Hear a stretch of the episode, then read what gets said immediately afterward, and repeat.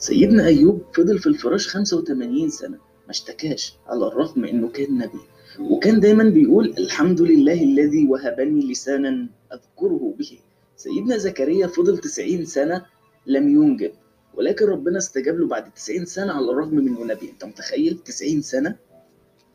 سيدنا يعقوب فضل يدعو الله عمرا كاملا كي يعود كي يعود له يوسف عشان ابنه يرجع له.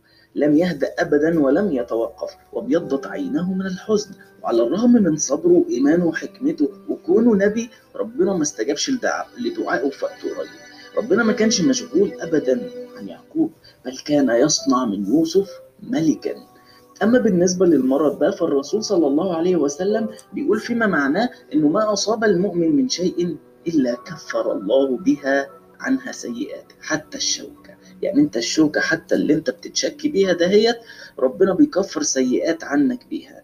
النبي صلى الله عليه وسلم بيعلمنا إن أي ابتلاء أو أي شيء بيحصل لنا وإحنا بنشوفه برؤية النكد والهم والغم إن ده أصلا مفتاح سعادة وخير لينا. كل ما كان همك كبير ووجعك كبير كل ما كان ربنا رايد بيك خير كان عايزك بس تروح له بثوب أبيض.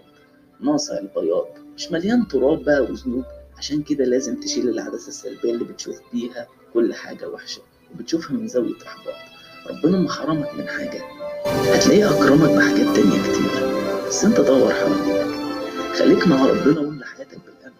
واعرف إن اللي بيفوز دايما هو المتفائل بربه الصبور ربنا سبحانه وتعالى بيطمنا ويقول لنا واصبر لحكم ربك فإنك بأعيننا.